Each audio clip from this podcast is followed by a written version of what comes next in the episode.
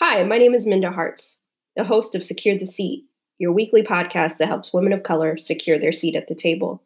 And it's not about getting your seat and kicking up your feet, it's about bringing other women of color along with you. That is what securing your seat is all about. It's not just about us, it's so much bigger than just us. Welcome back. If this is your first time listening to Secure the Seat, you're amongst family, you're amongst friends. If you've been rocking with me for um, four seasons or one season or a couple episodes. We family, thank you for being here. I know that right now in our country, it feels tiresome, it feels oppressive. And um, if I'm being honest, there's been times where I just didn't know what to do, right? It's been really hard to focus um, and it's just been tough. Uh, you know, at the start of COVID 19, you'd start to exchange emails with your friends, checking on each other, family, how you doing? You know, you stand inside the house, you got your mask on. And now we're texting each other and calling each other for for a different reason. Um, black pain. And it's tough because sometimes you feel like you're on this hamster wheel in this country. There's so many great things about it, but there's so many inequalities. Um, you know, I was thinking about just the climate and, um, you know, rest in peace, those who have been murdered, who've died um, way before their time, uh, in ways that many of us could never imagine, and I hope never have to go through. But I hope space for us because it hurts when we see our own um, it hurts when we see anybody um, deprived of their inalienable rights. Um, you know, I'm thinking about there's still children in cages at the border. There's just so much going on in this country, and I just want to implore you to be kind to yourself, but also don't lose hope. We have to fight. This is our time to fight. I truly, truly believe that we are the generation to shift this change. You know, I talk about being beneficiaries of our former freedom fighters. Uh, we can enjoy the liberties that we have today because of their courage, and it's going to be up to us. You know, I ran track, um, so we're going to have to grab that baton and we can't drop it because we have to gift the next generation a better tomorrow. We can't gift that next brown boy or black girl um, a system of oppression. We just can't. Um, and so it's going to require us to get out and vote. First of all, register. Uh, it's going to require us to show up at these city council meetings. Um, right now, many of these meetings are happening on Zoom. Let's get in those rooms. Let them see our faces. Let them hear our voices. Um, it's not enough for us to tweet. It's not enough for us to black out our profile pictures. All those things are great. Hashtags are great but it's called we got to move into action y'all. We got to um, things are they're at they're at a, a, place where if we don't do our part i don't know what we'll leave what the next four years will be like. So this is for real. Um, if you didn't think it was serious um, i hope you know it is now. But on some good news which that is good news because we got the opportunity to fight fight fight and make it better for us and future generations. But uh, there was an election last night, if you're listening to this on Wednesday, and um, Ferguson has its first Black woman mayor, and um, I'm so happy to hear that. And that's when I know God is working, right? Um, that all this blood that's been shed in the streets at the expense of us not being humanized, that we are reaping um, what we deserve to be in these positions, to secure our seat, because no one's going to represent us and know our struggle like us. That's why we need to be out there. Nobody can write this narrative for us. Um, and so be kind to yourself, but let's not lose hope. Let's not lose heart. Um, I'm really excited about today's episode because uh, as I'm talking about using your voice, securing your seat, I had the the pleasure of interviewing someone I look up to. Uh, her name is Cecilia Munoz, and she has a new book out called More Than Ready Be Strong and Be You, and the other lessons for women of color on the rise. We are more than ready. Don't let anybody tell you different. That's what I love about her book. And if you, the first uh, five people to email me, Minda at mindaharts.com, you will receive a copy of her book. I'm gifting that to you. We have to support um, women of color authors because um, her book came out during a pandemic. So it's up to us to hold space. It's up to us to make sure that we keep telling each other and purchasing from each other. Uh, that's most important. So again, I'm going to give out, I'm going to buy five copies and give them out to the first five people that email me, minda at mindaharts.com. But um, Cecilia, she served eight years on President Obama's senior staff, becoming the nation's largest serving, I'm sorry, longest serving director of the Domestic Policy Council. Before the White House, she served for 20 years at the National Council of La Raza and earned a MacArthur Fellowship for her work on immigration and civil rights. She is now the Vice President for Public Interest, Technology, and Local Initiatives at New America, and she lives in in Maryland. Uh, we had such a great conversation. It was just so cool to connect with her. And um, I know you're going to enjoy this episode. And um, it's titled More Than Ready because that's what we are. We just got to go for it, y'all. So I hope you enjoy. Let us know what you think about it. I will drop uh, Cecilia's information in the show notes and make sure that you get a copy of her new book and tell your friends because we're more than ready. Um, Cecilia, welcome to Secure the Seat. How are you? Thank you so much for having me. I'm so glad you're here and so excited for our community to learn more about your book if they don't already have it. Well, I'm honored that you're having me, and I'm a really, really big fan. So this is very exciting for me. Oh, awesome. Ditto, ditto. Um, in your new book, More Than Ready, part of your title is Be Strong and Be You. Tell us how you learned to give yourself permission to be yourself you know, it's taken a long time. So I'm in my late 50s. And um, in some ways, the process of deciding that I could write a book is kind of a reflection of this whole question, right? I didn't leave the White House thinking, all right, now I'm going to go write a book that everyone's going to read. I did what women do, particularly women of color, is I went and found other work that was hopefully good for the world and I kept my head down and I focused on the work. But there were women in my life who would not let it go. And they said, you know, you should really think about whether you have something to say. And again, like I did what women do, like, oh, who am I to write a thing and why would anyone care about it? But then again, the women in my life said, you know, this is what we do. We discount our experience, we discount our voices, and that's part of the reason that we're still having a debate about whether a woman can be the president of this country and we're still having a debate about you know whether our corporations can be led by women particularly women of color.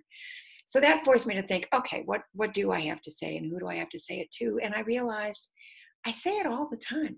I i'm you know i travel around the country speaking and i talk about i tell stories from my career including like the stories of you know stuff that i messed up and that i learned as a result. And invariably someone comes up to me afterwards, and 100% of the time she's a woman. And most of the time she's a woman of color. And she'll say something like, That thing you said about what it feels like when you're the only one in the room, that's me all the time.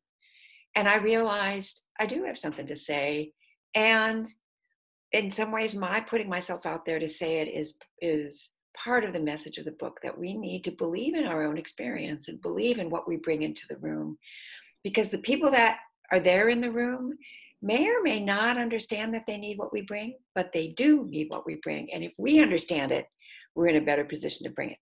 Oh, I love that. And you know what excites me about your book too is that you know when I was um, rising up the ranks in corporate America, I didn't have books like yours. I didn't have books like mine. And so this next generation of women of color and women have resources. So thank you for leaning into your courage. Well, thank you. I feel the same way. And there, look, your book is tremendously important. There just aren't enough of them. There aren't enough of us saying, hey, you know, it's okay. We matter. And what we already have what it takes. Um, and and um, I'm proud to be part of this conversation. No, uh, thank you again. I know one of the things that your book does address is imposter syndrome. And I the emails that I receive, it's always like, how do you battle imposter syndrome, right? And I understand that we may have doubts as women of color when we're one of few or the one of only, but there's some strategies that you share in your book on how to combat that. And, you know, I don't want to give away too much, but give them just the Sam's Club sample of maybe one or two strategies that you've utilized. Yeah. Um, so one of them is to, is frankly to over prepare. That's part of where the title of my book comes from. It, it's called More Than Ready, which refers to the fact that the world is more than ready for what we bring. But it also refers to the fact that the seven women that I spoke to in preparing this book have all had those experiences where somebody even says to them outright, Yeah, we know why you're here. Like you're here for affirmative action reasons. Um, and and causes us to think, oh, and I've had this experience, and I recounted in my book from at, at you know quite a high level. Somebody who was very senior in the Obama White House telling people he thought I was an affirmative action hire um, what we do is over prepare right? We lean lean into taking the briefing book home reading up on the thing making sure that when we walk into the room we totally know our stuff. Um, i was told when i first came to washington you know you're short you're a woman you're a latina you're going to have to work twice as hard just for people to think that you're as good as they are. And it was true. And i'm sorry to say it's still true so we do the work is kind of strategy number one. And the second has to do with asking for feedback. The third we actually parallels some advice that you give in your book, which is to build your squad, right? Have people that you can trust that will tell you, not just cheerlead for you, but that will tell you the truth so that you can up your game so that you can see the things that you're not seeing. Yes, that is so important. And and that brings me to that was one of my favorite strategies in the book is uh, be relentless about asking for feedback because that's hard. Right? What does that look like in practice? Yeah, it's scary. Yeah. We, I think this sort of feeds into our sense that we're scared to make a mistake because if we make a mistake, uh, you know, we could be proving that people who think we don't belong, we we could feel maybe they'll be feel like they're proven right, and if we're the only one in the room, it's we're not just making a mistake for ourselves right? It means like the whole community gets reflected in our mistake so that sense of unease about making a mistake makes it really hard to ask for feedback. But i have learned to think of it as a sign of strength rather than a sign of weakness.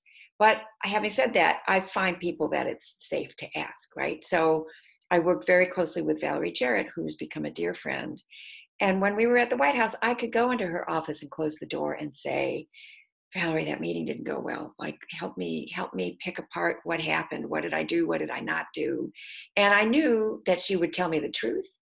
And I also knew that she wouldn't hold it against me. Um, and so I found people like that, including people who worked for me, that I that would be honest with me and give me feedback so that I could up my game. And that really helped me um, have the confidence walking in the room that I had a strategy that I could that I could do it.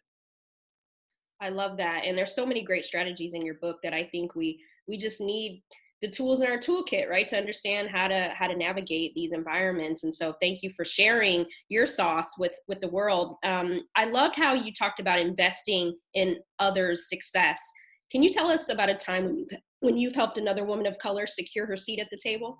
Yeah so i i mentioned it very briefly in the book. I have a former colleague and friend named manar who worked for me at the Domestic Policy Council. She's a brilliant lawyer. She's, um, you know, worked protecting women who are victims of domestic violence. She's worked on protecting immigrants. She's extraordinary. And when it was time to leave the White House, we were all looking for other jobs. I thought, oh, you know, she would be perfect at the ACLU. So I made a cold, I made a cold call. Um, and they were very smart and they hired her. But the, the important thing is that Manar then said to me, something that I didn't realize. She said, 100% of the time when a door is open for her, it's because a woman of color has stepped up on her behalf. 100% of the time. And that helped underscore for me how important it is that we watch out for each other. And you don't have to wait until you're somebody's boss to watch out for them. Over and over again, I've seen people do things like you're sitting at the table and somebody's having a good day you don't have to be the boss to be the one to shoot an email to that person's boss and say, I just want you to know somebody's star was shining really bright today, and you weren't there to see it, but I saw it, and I want you to know. Um, that kind of stuff can make an enormous difference.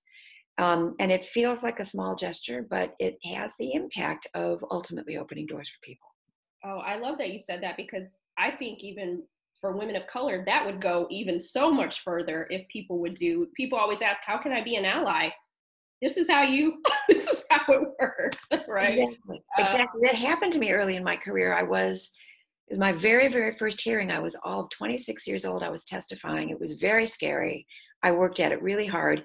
And I found out later that a couple of women sat sitting in the back of the room who were women who were experienced. They had been the first in their fields they called my boss and said, You weren't there, but we want you to know she did a great job.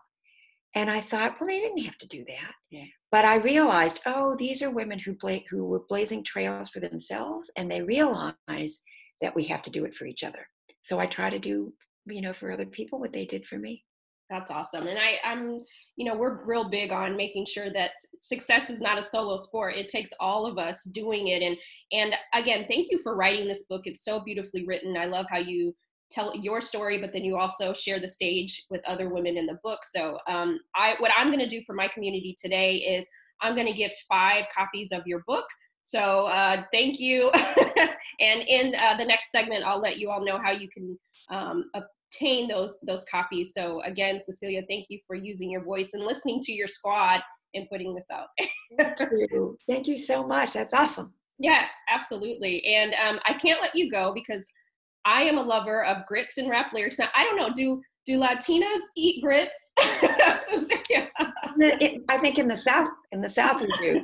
I didn't, I didn't, I'm from Michigan, I'm from Detroit, so I didn't grow up with grits. Okay. Um, do you like them? And it's not a, I like them with shrimp. okay. Good answer. Good answer. Um, first is, uh, what's your favorite rap lyric and why? So I had to think about this because I'm older than you and I didn't come up with rap music, but I, the minute I started thinking about it, I realized it's a lyric from Residente, who's Puerto Rican rapper, um, that shows up in the Hamilton mixtape that Lin-Manuel Miranda did. And it's in Spanish. Um, and it, but it's about we're the ones planting the trees, but other people are eating the fruit. And that feels relevant right now, um, especially, you know, given all the impact of the pandemic and knowing what we know about who the people are who are essential workers right now, the people that we depend on, you know, for our food, caring for our families, um, taking care of people in hospitals. Um, we are not um, appreciating enough what people do for us, and it's time. So that particular lyric has been sticking in my head lately because I think it's really powerful and it speaks oh, to something. That is powerful. I'm going to have to listen to that. Thank you for that. And and lastly, the show is called Secure the Seat. What does that mean to you? To me, that's about the seat at the table, right? That we belong at. And and here's the thing: the the decisions that people are making that are affecting our very lives, whether or not we live and die right now, are being made by people who don't know us and who don't understand us, and, and many of them don't care about us. Um, we need to be in those seats. Um, it is long past time. And I think part of what holds us back, there are a lot of external forces that hold us back, but we can't be contributing to what holds us back because the world really badly needs us right now. That's what it means to me. Ooh, mic drop. I got chills when you said that. Yes, the world needs us more than ever. We we cannot silence ourselves. We have to be, as Brene Brown says, get in the arena, right? We got to get in. Absolutely true. Absolutely true. One of the women that I interviewed said to me, you know, Lord, give me the confidence of a mediocre white man, right? Like we need to um, uh, understand that what we already bring by virtue of who we are is more than enough. We're already there. We just need to believe it. Yep, we are more than ready. Uh, and I'm again, I'm just so uh, appreciative of you and your work and how you've held space for all of us for all these years and how you're still doing that. So again, Cecilia, thank you so much.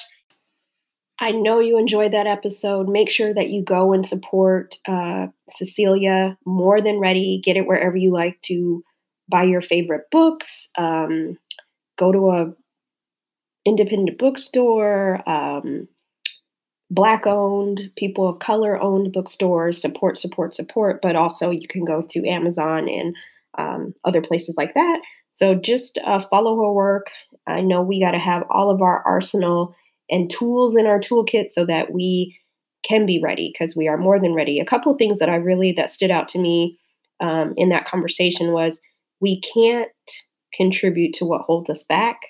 I think sometimes if you have listened to any amount of conversations I've had, I always talk about our mindset and how it's a shift sometimes. And sometimes we, yes, there's oppressive systems, but sometimes we are the thing that's contributing to us not moving forward. And then the other thing that um, Cecilia mentioned is find some people who will tell you the truth. Um, and I think that, it, you know, having a squad, having people in your corner who are going to tell you the truth is important. That's how we grow. Um, so, again, I know this last week has been tough. Know that you're not alone.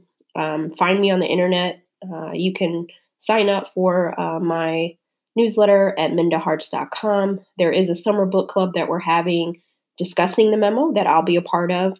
Uh, so you can also go to mindaharts.com, sign up for my newsletter, and you'll get all that information in there. But if you have not bought the memo, my book, I hope that you'll do so and share it um, because right now, more than ever, um, work can be hard when you're going through some of the things that we're going through in this country. And so I want you to feel like you're seen and you're supported. Um, and lastly, if you have not left a rating or a review for the Secure the Seat podcast, please do so. That's how um, we signal to the powers that be that our content, our voices matter. And so I'm so thankful for the community here. I'm thankful for you. Um, you're in my thoughts, you're in my prayers. Um, be safe out here, you know. Um, and uh, let's figure out what we're going to do. Let's put things into action. Remember, if you're not registered to vote, please do so. If you're not attending your board meetings, your school board meetings, city council meetings, assembly meetings, whatever's going on in your city, they're having these meetings, and most of the time we're not in them. Uh, so let's get in these rooms. Let's get in these Zoom rooms and let them know that we're here, that we care, um, that we're not going anywhere. so um, again, have a great week and keep securing your seat.